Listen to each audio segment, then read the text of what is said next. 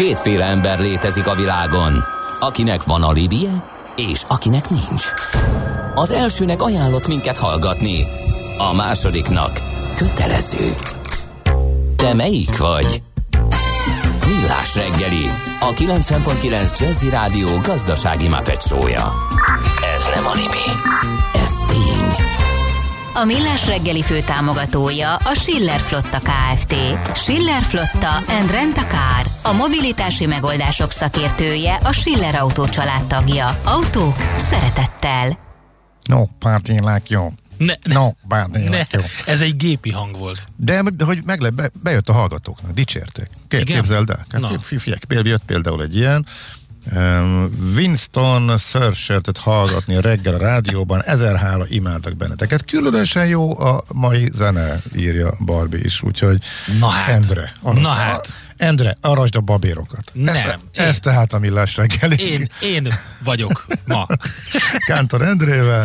És Ács Gáborral. és a hallgatókkal, akik még ilyeneket is írnak egyébként, hogy ú, ketten lényeg ugyanazt, a telefonos avon- avonosítással az a bajom, hogy egy ismeretlen számról felhív egy ismeretlen, és el kell neki mondanom az anyukám nevét, a születési időmet és a helyét. Avonnal le is szoktam tenni kedves elutasítás után, valahogy meg kell oldani, hogy tudjam, kivel beszélek tényleg. E, Másik hallgató, a kedvencem, amikor felhívnak egy mobilszámról a bankból, és azt kérdezik, hogy én avonosítsam magam. Miközben én, miközben ők hívnak. Egyébként teljesen igaza van. ők magukat, igen, ez, igen, ez egy érdekes e, felvetés. Aztán e, ezen kicsit, hogy is, ez tényleg komoly? Nem, várjál, Én azt nincs, szoktam ilyenkor csinálni, nincs is, már, nincs is már tízes gyűjtő, írja a hogy vissza, vissza Hát én most vettem két őket. hete. Igen? Szóval a, amikor egy ilyen ismeretlen számos valami van, akkor én ilyenkor a banknak a központi számát szoktam visszahívni, el szoktam mondani, hogy engem innen kerestek, kapcsolják azt az osztályt, és akkor így próbáljuk meg. Tényleg egy kicsit hülyeségnek hangzik, hasonló, mint amikor kvázi megfenyegetnek egy Mhm. ügyfél ö, szolgálaton azzal, hogy ezt a beszélgetést fölvesszük. és akkor te ott Igen. állsz, hogy jó, jó, én is szeretném felvenni, mert én, de nyilván hozzáférhetsz De bármikor. viszont de az ügyintézés neked is fontos, és kitolsz magaddal, ha nem vállalod a feltételeket, bele vagy Nyilván, kényszerítve. nyilván Tehát, ha, de egyrészt te is felveheted, ha akarod, persze nem veheted fel, de felveheted. de most felvettem, vagy nem vettem fel? De Vannak erre GDPR megfelelő... szerint, Ven, igen, most oké. Okay. elvileg hozzáférsz. Jogilag. Elvileg hozzáférsz ahhoz, amit rólad felvettek bármikor, tehát azt kikérheted Aha, te is, ja, tehát ez végül jó. téged is véd, de egyébként nincs akadálya annak, uh-huh. hogy mondjuk esetleg a számítógépet segítségével, kihangosítóval mondjuk rögzíted a beszélgetést, vagy ilyesmi, elvileg nem, uh-huh. főleg magánbeszélgetéseket nem szabad. Na, mi van ezzel a tízes gyűjtővel? Nem tudom, én most vettem, és hallgató részt, hogy nincsen. Tehát akkor én egy nincset vettem, egy nem létező. De most nem, két hete vetted, lehet, hogy kivezették. Hát csak tudnánk Nem, róla. persze, megnézzük. Na, van. a, várjál, korrupció ellen.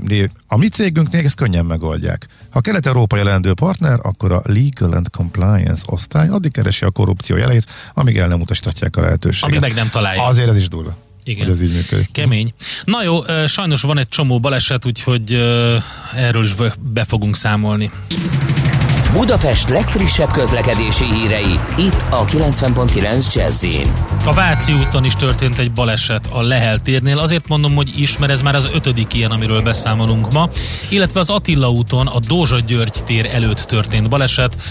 Úgyhogy tessék óvatosan vezetni, nagyon csúszik az út, E, nem lehet, nem számítunk rá, mert ugye pluszok voltak már reggel, és azt gondoljuk, hogy elmúlt a sikosság, nem múlt el. Hallgatói üzenet, sziasztok, Béke út befelé már áll a Robertnál, és a vágányon is csak a harmadik lámpa enged ki a Dózsára.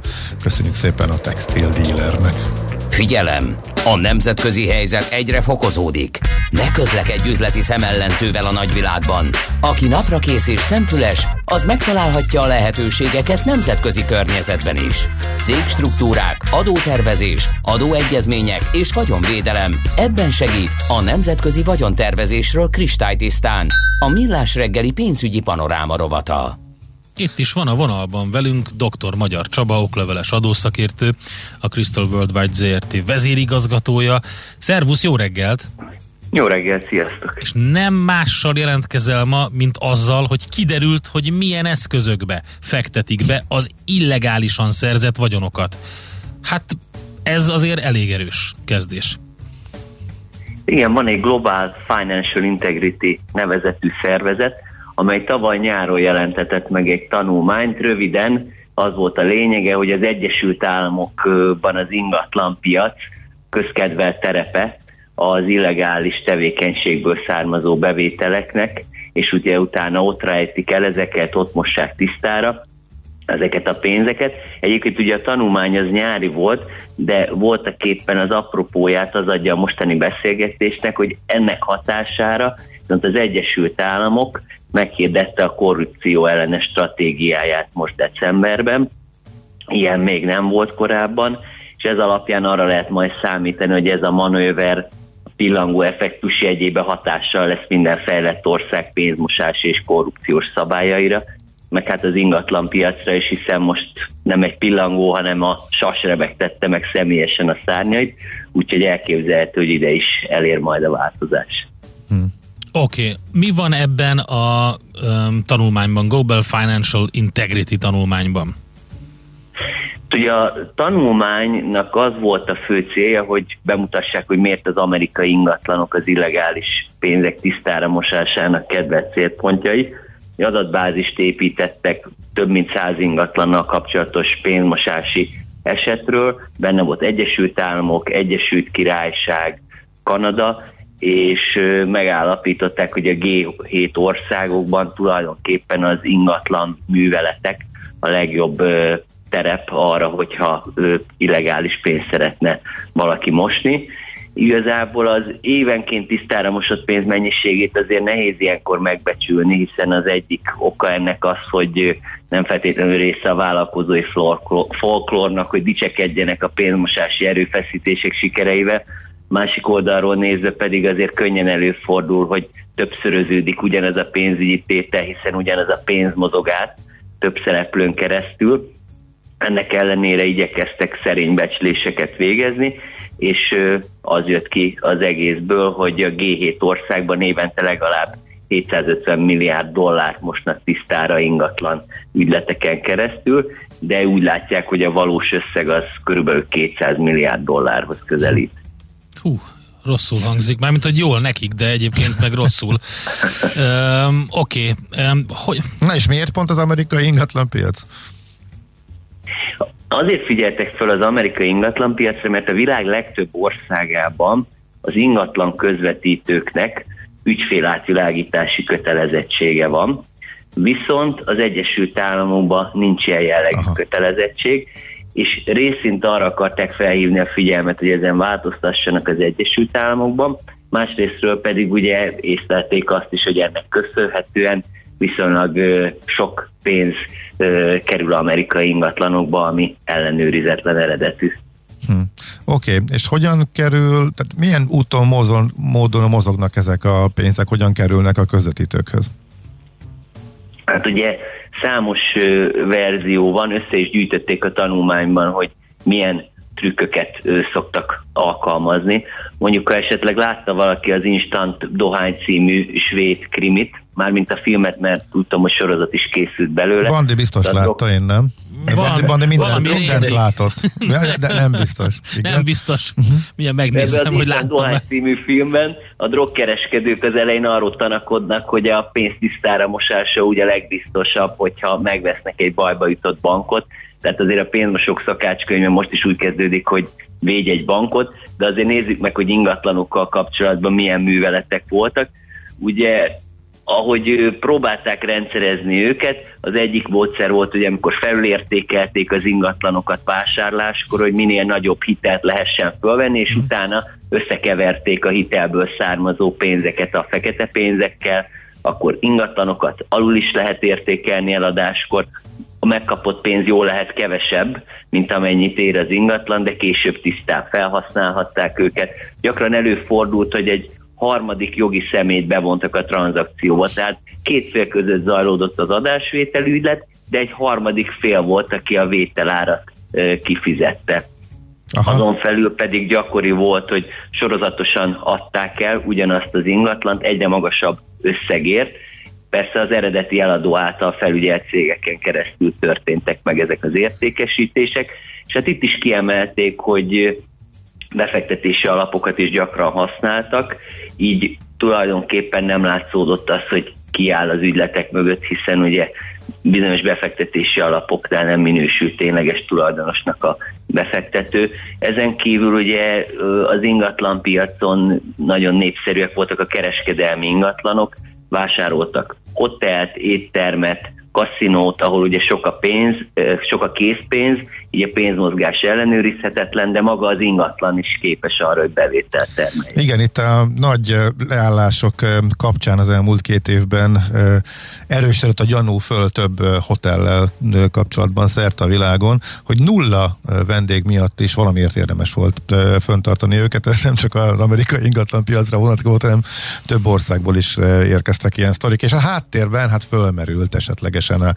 ez a szál, hogy éppen pénzek tisztára mosására használták, illetve hogy ez volt az egyetlen e, értelme annak, hogy azok még e, működhessenek. Na mindegy, egyébként erős ingerenciám támad, hogy megnézem az Egyesült Államok hol áll a Transparency korrupciós felmérésében, ha már éppen a mai műsoron erről is beszéltünk, azok után, e, ami itt elhangzott. Viszont, meg is fogjuk nézni, viszont még az egy érdekes kérdés, hogy kik vannak még ebben a folyamatban, tehát kik segítenek eh, a pénzmosásban a befektetőknek? Igen, ugye ahhoz, hogyha valaki szeretne vásárolni egy ingatlant, a legtöbb országban szükség van ügyvédre, ingatlan ügynökre, befektetési tanácsadókra, pénzintézetekre, hiszen ők segítik a külföldieket az ingatlan ügyletek során, meg hát nyilván a belföldieket is, de itt általában azért külföldiek fektettek be amerikai ingatlanokba, és a tanulmány egyébként kapuőröknek nevezi ezeket a szereplőket, hiszen ők azok, akik először találkoznak az ügyfelekkel, és nekik kellene odafigyelni, hogy a szabályok rendben legyenek, de hát azért lássuk be, hogy ezek az emberek abban érdekeltek, hogy létrejön az üzlet. Tehát nehéz elvárni, hogy annak a kezét harapják meg, aki az ételre valót adja.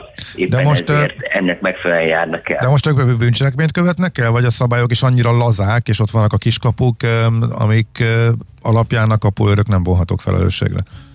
Hát ugye itt épp az volt a problematika, és a tanulmány is arra tér ki, hogy az ingatlan ügynökökre nem terjed ki ez a kötelezettség. Egyébként érdekes, hogy teritoriálisan kiterjedt, tehát vannak úgymond olyan kiemelt ö, államok, meg azon belül megyék, ahol kiterjed rájuk is, de van egy csomó terület, ahol nem. És hát nem meglepő módon ugye a tanulmány is foglalkozott vele, hogy a jellemzően azokon a helyszíneken történtek meg ezek az ügyletek, ahol nem volt ilyen jellegű kötelezettség, uh-huh. hogy azonosítsák az ügyfeleket.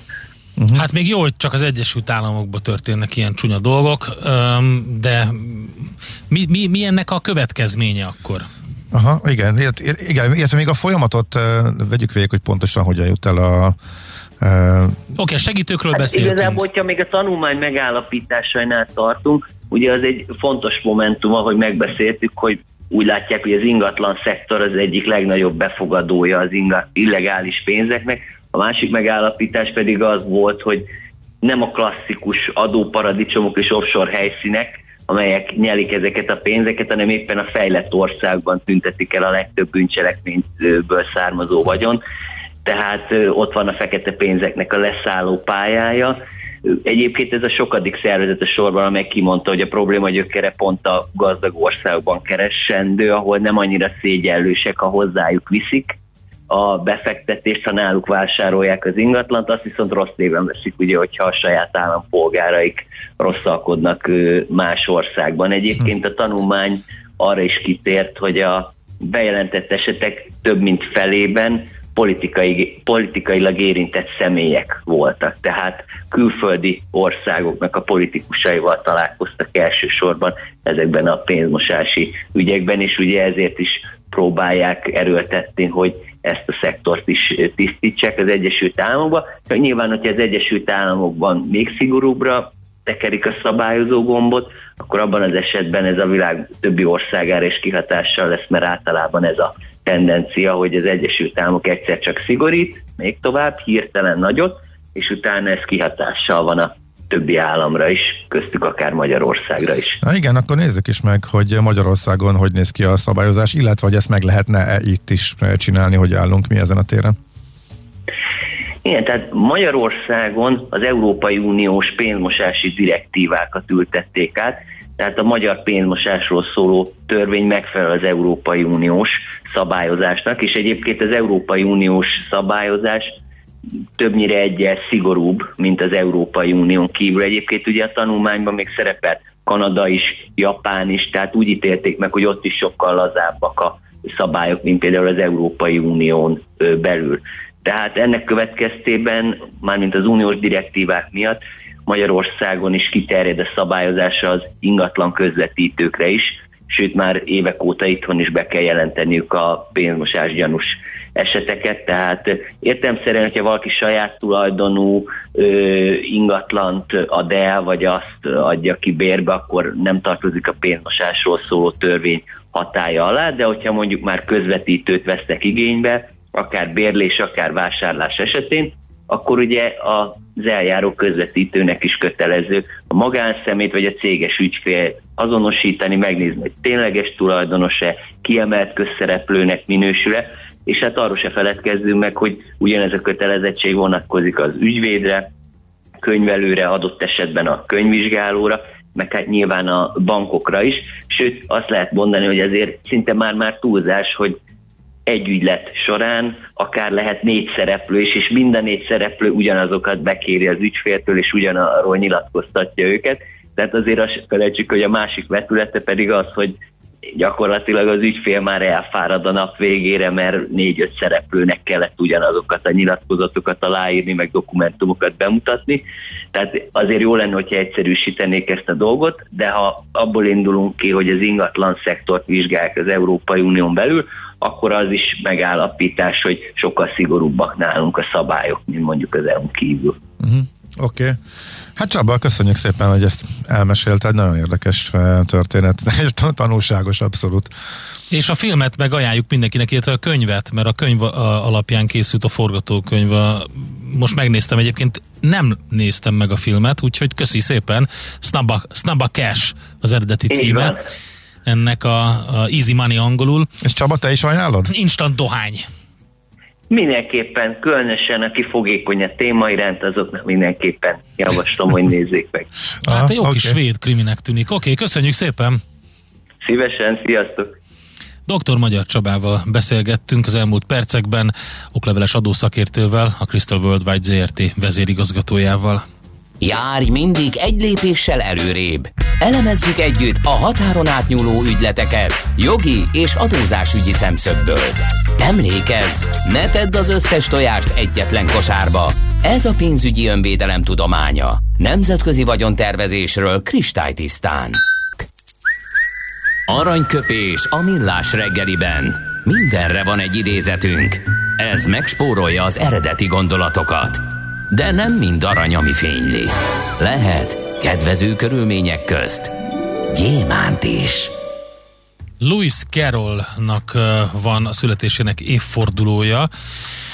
1832-ben született ezen a napon, és hát kevesen, tud, kevesebben tudják róla, hogy ő matematikus fényképész is volt, elképesztő érdekes um, írásai vannak Egyébként talán akik mélyebben elmerültek az Alice, vagy Alice Csodaországban regényekben, azok rájöhettek, hogy nem egy egyszerű gyermekkönyvíró volt Louis Carroll. Minden esetre azt mondta egyszer, az álló óra is naponta kétszer a pontos időt mutatja. Úgyhogy, és tök jó eljátszani a gondolattal, mert valóban így van. Sőt, mi több, ha ehhez hozzá szeretném tenni azt a nagyon érdekes dolgot, amit nemrég hallottam, hogy ha megnézed az óra reklámokat, egészen régi időktől kezdve mindig 10 óra 10 percre vannak állítva a mutatós óráknak a, a mutatói, úgy vannak a reklámban. Tényleg? és, és egy tök érdekes kérdés, hogy miért. Az egyik megfejtés az az, hogy Azért, mert akkor egy ilyen mosolygós arcát mutatja az óralap egy kicsit, és akkor az így jobban tetszik az embereknek. De lehet, hogy csak esztétikus a szemnek a 10 óra 10 perc. Minden esetre az álló óra naponta kétszer a pontos időt mutatja, vicces is, de közben rámutat arra is, hogy hát a, a különböző adatokban, meg statisztikákban is lehet egy csomó tévedési Igen. E, lehetőség, hogyha nem vizsgáljuk meg bővebben, vagy jobban, vagy mélyebben. Én ráadásul már késtem le majdnem vonatot emiatt. Mert, mert hogy állt az óra. Nem, nem az enyém, csak ott volt egy óra, és ugye ja. először megnéztem, csak telefon volt nálam, Igen. megnéztem, akkor csak nem akartam már zsebbel elővenni, utána már azt követtem, és utána nem tűnt föl, hogy nem ment odébb. Jó, hát nem, volt, nem, nem voltam teljesen száraz, de hogy de ja, értem. elfogadtam a Aha. változatlan időt egy darabig, és én is ismerek olyat, az egyik nagyon jó barátommal történt meg, nem velem, hogy egy ilyen sörözés után valaki levette a kezéről az órát, és fordítva visszatette még egyetemi évek alatt. És akkor ez a nagyon jó barátom, nagyon jó ismerősöm, nagyon sokáig állt a Morris Zsigmond körtéren, és várta az éjszakai buszt. Teljesen rossz idő, és, és nem értette ez a nagyon jó ismerősöm, hogy miért, miért van ilyen sötét, amikor már világosnak kéne lenni. Tehát, sőt, nem is az éjszakai buszt, hanem a leg, legelső buszt, Aha. ami indult volna. Na mindegy, izgalmas dolgok ezek. Aranyköpés hangzott el a millás reggeliben. Ne feledd, tanulni ezüst, megjegyezni arany. A műszer neked egy fal, a sebesség egy váltó, a garázs egy szentély. Zavar, ha valaki elbetűvel mondja a rükvercet. Mindent akarsz tudni az autók világából? Akkor neked való a millás reggeli autós rovata. Futómű Autóipari hírek, eladások, új modellek, autós élet. Kressz. És mielőtt kezdjük az autós rovatot, egy gyors közlekedési info, illetve gyors hallgatói reakció. Egy balesetről kaptunk infót m 0 az M1-es felé irányban, az M4-es felhajtónál itt nagyjából percről percre hosszabb a sor, már nagyjából uh, maglódig ér, de úgyhogy itt várhatóan még uh, komolyabb problémák lesznek, meg lassan fog lemenni, az M2-esen viszont megszűnt a, a torlódás befelé, a tízes gyűjtő rejtélyét pedig Dékartás oldotta föl, aki e, azt írta, hogy e, a pénztárakban valóban megszűnt az értékesítése, automatákból lehet csak venni, lehet, hogy ez zavarta be ezt a hallgatót, aki azt írta, hogy már nincsen tízes gyűjtő. Viszont itt van velünk Várkonyi Gábor, autós szakértő. Szevasz, jó reggelt! Jó reggelt, sziasztok! Vannak érdekes adatok. Az egyik az, hogy továbbra is kritikus az autóipari ellátási lánc, illetve hogy ugye azok a ellátási lánc gerincét adó cégek helyzete, amik a legnagyobb autóipari beszállítóknak hát szállítanak. Mondhatjuk úgy is, hogy ez a kritikus infrastruktúrája az egész autóiparnak, és amennyire amennyire kirajzolódik egy érdekes kép arról, hogy amiről sokat beszéltünk egyébként, hogy ugye nagyon jó eredményeik voltak az autós cégeknek az elmúlt évben, annak ellenére, hogy azért mégiscsak egy krízis kellős közepén vagyunk, és mindenki rekord nyereségeket, vagy legalábbis a cégeknek egy jelentős része, döntő többsége rekord nyereségeket tudott felmutatni az elmúlt üzleti évben. Annyira ez így nem jön annyira... össze, akkor nincsen krízis, tehát akkor milyen értelemben használjuk a krízist? Hát abban az értelemben, hogy ha megvárod, hogy a mondatom második felét is el tudjam mondani, kedves Gábor, le. akkor rögtön Én csak felhívtam a figyelmet egy ellentmondásra. Le, le, lekapcsoljam addig a Gábort is, akkor vagy, vagy két Gábor egymásnak esik kell egy kis reggeli csipkerődés, különben unalmas az élet, nem? Tehát uh, arról van szó, hogy úgy tűnik, hogy, a, hogy az autógyártóknak van meg az, a, az az erőfölényük, amivel a lényegében a két nagyon fontos másik szereplőjét ennek az egész ökoszisztémának szépen arra tudják rávenni, hogy az ő kockázataikat helyettük fürödjék ki idézőjelben. Ez a két ág pedig a beszállítói, amiről most szó van, amit Endre említett, a másik meg a kereskedelmi oldal. Tehát nagyon úgy néz ki a képlet, hogy vannak a nagy autógyártók, amelyek nagyjából diktálhatnak, most még abban a pozícióban vannak, árakat, meg ellátást, meg egyebeket, és vannak azok a szereplők, akik kénytelenek valamit kezdeni ezzel a kialakult helyzettel, de, egyszerűen a vevői, meg a gyártói oldalról is olyan kettős nyomás alá kerülnek, meg még ugye a nyersanyag áraknak az elszabadulásától olyan mondhatni akkor már, hogy hármas nyomás alá kerülnek, ami érzékenyen érinti a, a, a működésüket. És akkor két példával illusztrálnám ezt a kérdést. Az egyik maga ez a ez a felmérés, amit, amit Endre említett, ugye ez egy 36 autóipari beszállítót magába foglaló felmérés, ami 2018-tól 2021 utolsó negyed évéig vizsgálja a likviditását, meg a cégek helyzetét a 36 legnagyobb autóipari beszállítónak, és hát nem túlzottan rózsás a helyzet, de erre mindjárt kitérek részleteiben. A másik oldalon meg egy kézzel fogható példa, egy olyan szám, olyan számmal találkoztam a német autóipari, pontosabban, bocsánat, német kereskedelmi, tehát a, a kereskedelmi szövetségnek az adataiban, ami arról szólt, hogy az elmúlt évben közel 400 ezer autó megrendelését mondták vissza a gyártók. És ez, ez azért eszméletlen kritikus és problematikus, mert akkor, amikor eleven nem nagyon vannak autók, és mondjuk kereskedők időben elkezdenek autókat rendelni maguknak, akár raktára, akár vevők számára, akár flottakezelők részére, akkor azért a gyártó mégiscsak tesz egy vállalást akkor, amikor ezt a, ezt a, ezt a megrendelést felveszi és visszaigazolja. De olyan helyzetbe kerültünk, hogy egyszerűen azokat a rizikó faktorokat, amelyek közben előjönnek a gyártási folyamat során, tehát hogy nincsen alkatrész, vagy jóval drágában tudják legyártani az autókat, vagy máshova kell az alkatrész, vagy mással több pénzt tudnak keresni, e, ezeket úgy tűnik, hogy egy az egyben át akarják adni a gyártók a kereskedelmi oldal részére, úgyhogy majd ők megoldják.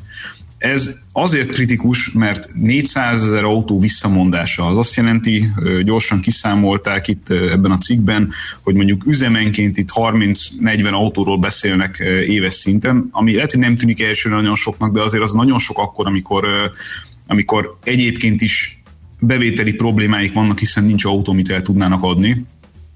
Meg hát ugye azokat a vevőket, akiknél, vagy akik miatt fölvették ezeket a megrendeléseket, azokat azért valamivel eh, kompenzálni kell, eh, és ebben mind nem kapnak segítséget a hírek szerint, vagy legalábbis nagyon minimális segítséget kapnak gyártói oldalon. Eh, ez abba az irányba viszi a dolgokat, hogy, hogy mások hátán vágják a fát a gyártók, mert megtehetik. És ennek így kereskedelmi oldal szempontjából és beszállítói oldal szempontjából sem feltétlenül lesz szerintem hosszú távon jó vége, mert nagyon nehéz lesz azt kommunikálni, hogy a gyártók baromi jól keresnek, mindenki más meg ott van hagyva a problémájával nagyjából a puszta közepén. Egy, mi borult föl, hogy eddig ez nem így volt, és miért tudják ezt most megcsinálni? Hogy Mert nincs, egyszerűen nincs autó. Tehát ha nincs elégséges autó, amit le lehetne gyártani, viszont a kereslet hatalmas, akkor egyszerűen most úgy tűnik, mintha a gyártók ezt úgy mozognák ki, hogy hát rendben van, kedves kereskedő, te fölvettél egy, egy, egy megrendelést, vagy fölvettél megrendeléseket magad számára időben előre gondolkodva annak érdekében, hogy legyen készleted, mert úgy is tudod, hogy 6, 8, 10, 12 hónap mire megjön, te időben, te időben cselekedtél, normális esetben a bátorságodat, meg a, meg a lekötött tőkédet idézőjelben valami fajta piaci megtérülésnek követnie kellene. De miért a, De, kereskedőnek az árését azt nem maga alakítja? Vagy az, az hogyan, hogy, hogyan működik? Hát maga Tehát alakítja, a... de ha nincs mit eladnia, ha nem jön meg az autó, amin alakíthat bármit is, akkor azért hát, nem annyira jó ha sokkal kevesebb jön, de azért jön. Arra miért nem tesz rá akkor nagyobbat? Hát azért ennyire meg nem egyszerű a kérdés. Tehát a végtelenség meg nem lehet lökni az árakat, és egyszerűen, hogyha darab számszerűen kevés jön, tehát a kevés ügyletből nem tudsz végtelen mennyiségű ö, pénzt ö, kihúzni. Ennyire azért nem egyszerű a, a dolog. Hát de csak kereslet kínálat. Hát ugye de a Gábor sokan, megpróbálja. Sokan állnak sorba autóért, akkor, és ahogy a gyártóknál ez, elő, ez megesett, a kereskedő Érted, Gábor, sokan állnak sorba autóért, te lerendeled időben, mert azt gondolod, hogy mondjuk fél év múlva, vagy egy év múlva is, ki tudja, mi lesz addigra, de fél év múlva, vagy egy év múlva is valószínűleg ugyanez lesz a piaci helyzet. Te, mint kereskedő, vállalod annak a rizikóját, hogy adott esetben, hogyha egyszerű jönnek meg ezek az autók, és változik lényegében a piac, akkor benne van a bukó lehetősége, de benne van az is, hogy ahogy mondod, kevés autóból lényegesen nagyobb árést tudsz produkálni, de ez végső soron a te döntésed és a te rizikót. Jó, tehát De akkor rizikó... az átfutási idő megnövekedés, a, és akkor itt a fontos, mert itt fut Átfutási idő és a darabszám megnövekedése. Uh-huh. És az a baj, hogyha te az egyik oldalon kénytelen vagy rizikót vállalni, a másik oldalon viszont ezt ennek a, a csak a negatív részét akarják rád testelni, a pozitív részét azt, hogy adott esetben sokat kereshetsz olyan autókkal, amiket időben megrendeltél, azt meg elveszik tőled, akkor, akkor úgy mindenkinek elmegy a kedve ettől az egésztől. Különösen okay. akkor, és ez itt az igazi csavar ebben a képletben, hogy a kereskedőknek ugye a, a bónusza az azért erősen kötve van ahhoz, hogy a vevők milyen elégedettségi mutatókat ö, ö, adnak a, a kereskedő ö, teljesítménye alapján. Most egy vevőnek édes mindegy, hogy a gyártó hogyan bánik a kereskedővel, ő azt fogja érzékelni, hogy ő megrendelt egy autót egyszer, azt stornírozták, majd megrendel, várt mondjuk négy hónapot, kiderült, hogy nem fog jönni az az autó, vagy nem úgy fog jönni, vagy nem annyira fog jönni, vagy nem azokkal az extrákkal. Utána vissza is mondják az egészet, majd kezdik előről kin fogja kitölteni a, a bánatát egy, egy ilyen vásárló? Ez nyilvánvalóan é, a kereskedő. Ezt egyrészt értem, másrészt meg még mindig nem értem. Tehát megemelik a gyártók, így is, úgy is a kereskedőn csapódik le ez, e, ez az egész. Erre miért nem tud még egy kicsit rátenni, ha már megemelkedett 20%-kal, 25-tel, akkor még 2-3 ot a saját mert... árését illetően. Most miért, szeretném felhívni a figyelmet miért a gyártó nyeri a meg az egészet? hallgatóknak, hogy Viber közösségünkbe lehet csatlakozni. Van egy kiváló millás reggeli matrica csomag, ahol a de miért felirattal látható Ács Gábor, és ezt nyugodtan használják üzenetküldésekre a Viberen. Olyan matrica nincsen, amikor a Gábor minden, minden beszélgetést úgy fejez be, hogy ez nagyon érdekes? Nincs, de akkor köszönöm de a javaslatot. Ezt, ezt, ezt, majd... ezt nem így fogom. és arra is szeretném felhívni a figyelmet, hogy a pandémia betette az autókereskedelemnek az USA-ban, illetve az elért CO2 szintek az autóiparban témáinkra ma nem kerül már sor, mert nincs rá idő, de, de akkor folytassátok. De még egy kicsi idő azért van ezekre Jó, szerencsére. Rendben, rendben. Uh, azt, azt értsd meg, Gábor, tényleg, Igyekszem, értem, hogy de miért. Igen, igen. Próbáld meg megérteni, hogy igen.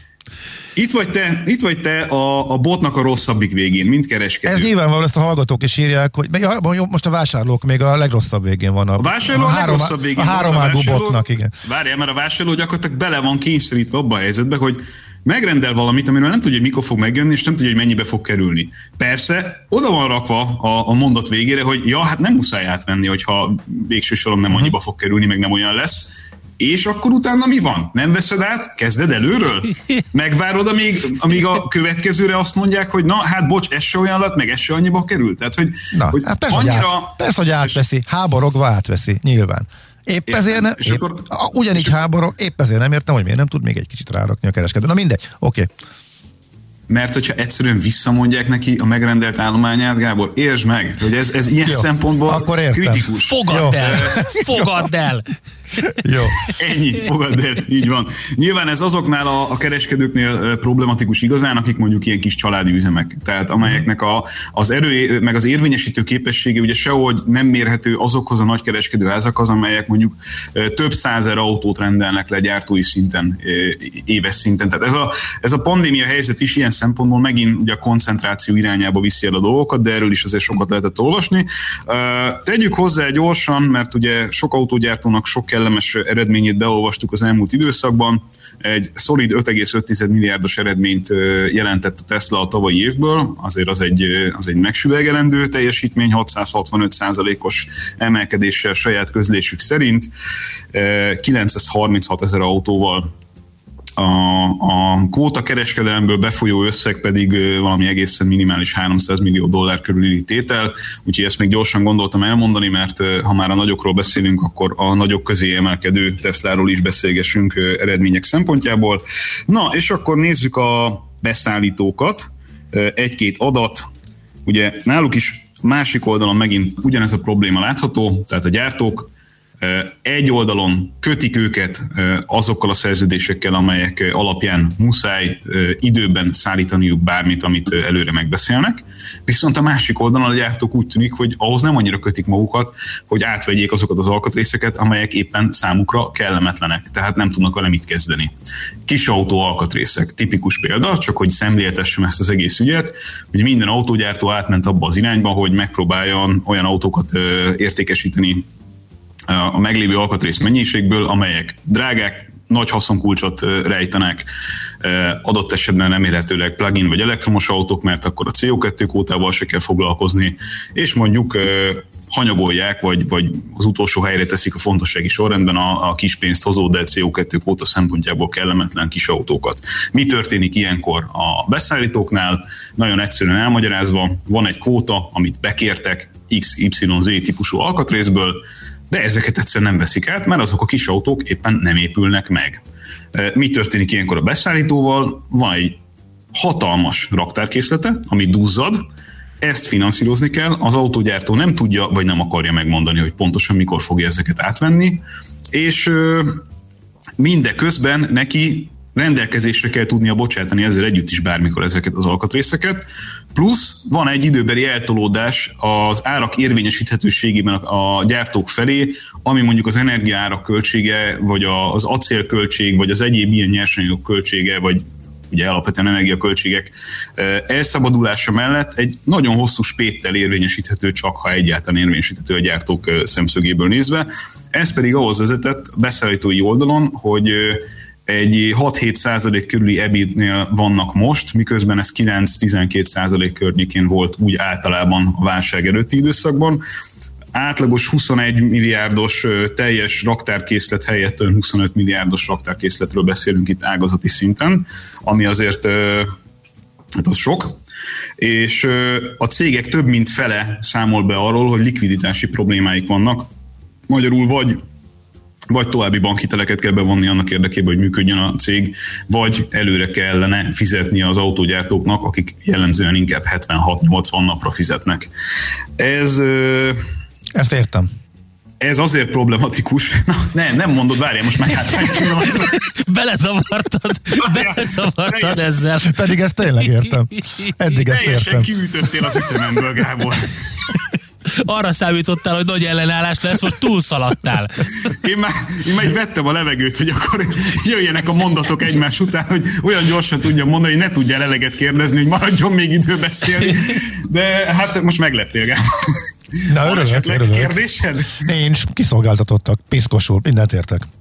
Na, a hát, beszállítók, igen. beszállítók. Az autógyártók meg közben jól keresnek. Szóval ez, ez a képlet így ebben a hármas felállásban egy, egy hát delikát helyzetet tud teremteni, és akkor még a CO2 kvóták, amik, amiket megígértem, Amiről most egyenlőre tudunk, az az, hogy a Volkswagen, az Audi és a BMW is messze, messze jó számokkal alul tudta teljesíteni a rájuk vonatkozó CO2 kvótákat.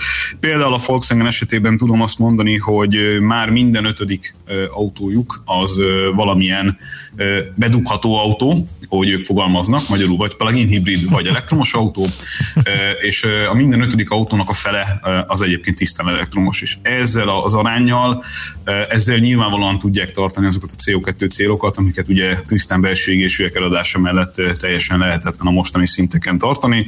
Audi, BMW ugyanezt, tehát mind a két prémium márkánál nagyon magas az elektromos és a plug-in hibrid arány.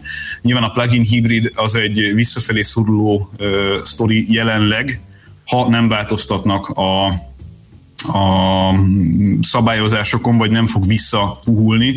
És a visszapuhulás irányába egyébként láthatóak lépések, mert ugye ahogy beszéltünk arról, hogy 2030-ra 15 millió elektromos autót szeretnének látni a német kormányban a német utakon.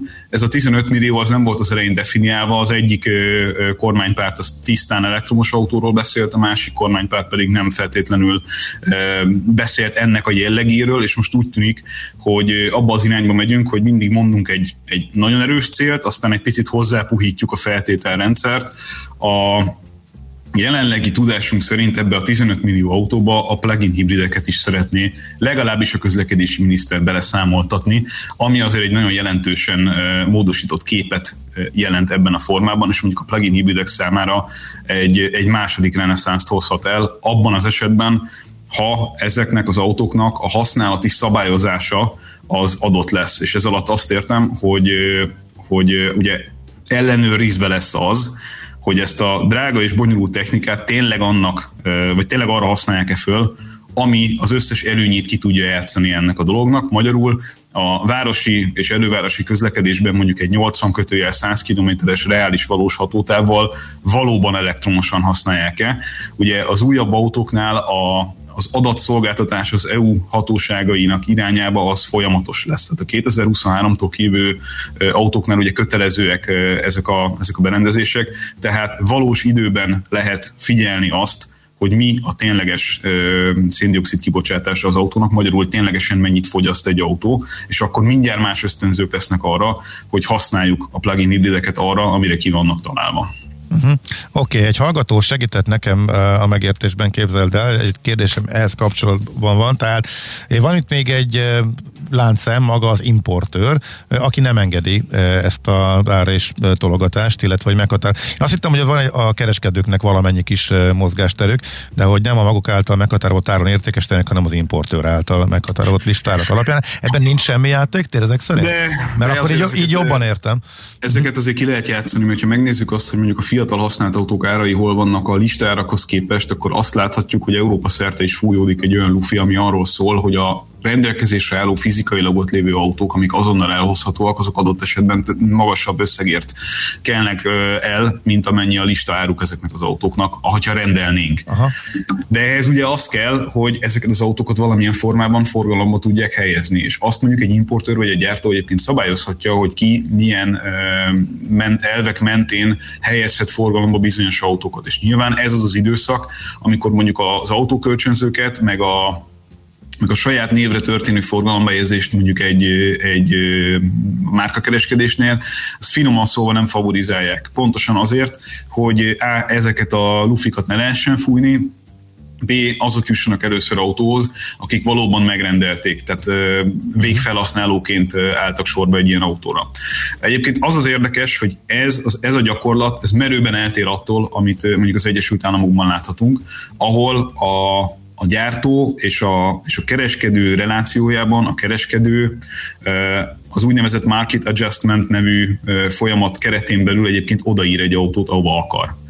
És ezért is van az alapvetően, hogy az ottani vásárlók az internetes vásárlás közvetlenségével, amit mondjuk a gyártó és a, a vevő relációjában akarnak létrehozni, egy transzparensebb és kevesebb átveréssel vagy, vagy, vagy árspekulációval járó kereskedelmi folyamatot akarnak, vagy látnak bele ebbe a dologba. Tehát ott alapvetően a kereskedő az, az vadkapitalista módon tényleg oda tologatja az árakat, ahova akarja. Tehát nincsen ráhatása a, a gyártónak erre. Aha. Európában ez az egész folyamat nagyságrendekkel szabályozottabb. Tehát nálunk nincsen olyan, hogy van egy kisker ára, egy, egy ajánlott kisker ára importőri szinten egy autónak, teszem az 10 millió forint, és akkor azt mondja a kereskedő, hogy én kirakom ugyanezt az autót 12 ér, mert én úgyis el tudom adni annyiért, mert nekem van, nektek meg nincs. Aha.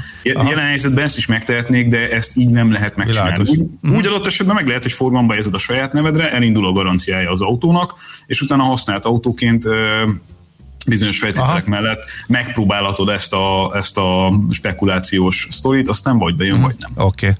Oké, okay. hát a vége az már majdnem érdekes volt. Köszönjük, köszönjük szépen. Köszönöm szépen, hogy nem szeretkeztél meg róla. Remélem készül a nagyon érdekes volt matrica. Hát én csak azt tudom mondani, hogy bár korán reggel van, én azt ajánlom, hogy most is ki egy palack bort ezután, és akkor hevert ki a fáradalmakat. Köszönjük hát szépen a szakértelmet. Na, köszönjük. Várkonyi Gábor autós szakértővel beszélgettünk. Most lefarkolunk, de jövő héten megint indexelünk és kanyarodunk, előzünk és tolatunk a Millás reggeli autós rovatában. Futómű a világ négy keréken. Kérdezi hallgató, hol van ez a matrica csomag? A Viberen van Igen. a matrica csomag. Igen. Ha valakinek van Viber, akkor rámegy a Viberre, megkeresi a matricákat, és a, tehát van egy ilyen kis gomb, hogy matricák, és akkor oda rámész, ott ö, lehet keresni. Beírod, hogy millás reggeli, akkor kidobja a matrica csomagot, de a Facebook oldalunkon, hogyha rámész a millás reggeli Facebook oldalára, és rákerel, hogy Viber, matrica, szerintem ott is megtalálja, ott még a linket is beraktuk annak idején, de majd kiteszem akkor még egyszer. Kiváló kis matrica csomag sok minden van benne. Egy Egyébként hallgató. van egy Viber közösségünk, Küldött ahol jó utat lehet. matricát képzeld. Igen, jó az igen, az is van, igen. hogy nehogy csak rossz legyen, ami hozzád kapcsolódik, van egy jó utat matrica is természetesen. És, igen, és azt is megírta Béla, hogy Dél-Buda forgalma békés, és a bicaj alkatrészek hiánya is egészen brutális. Átlagos Shimano váltószállítását 400 napra vállalják, a többi hasonló cucc is így Mit megy. egy átlagos mit? Uh, Shimano váltó. Uh, bringára. Micsoda, szállítását 400, több mint egy év. Úristen. Uh-huh. És ha többi hasonló is így megy már lassan másfél uh-huh. éve. Nagyon kemény. Uh-huh. Az tényleg. Oké, okay, köszönjük szépen a figyelmet, jön Czoller Andi a legfrissebb hírekkel, információkkal, utána jövünk vissza IT rovatunkban. Azt fogjuk megnézni, egy kis fülke nem forradalom, hanem történelem lesz, hogy meddig lesznek még tényleg telefonfülkék Magyarországon. Ugye egykoron nélkülözhetetlen kellékei voltak a távközlésnek a nyilvános telefonok, telefonfülkék. Manapság sokan azt se tudják, hogy léteznek még, de hogy milyen célt szolgálnak idén 2022-ben, és meddig vesznek még velünk ezek, ezt fogjuk megbeszélni Bátki Zoltánnal, de csak a hírek után, illetve tőzsdenyítás jön majd Búró Szilárddal, és utána pedig azt nézzük meg NOPQ rovatunkban, hogy állítólag száz éves lett a Bloody Mary koktél, de ez egyáltalán nem biztos.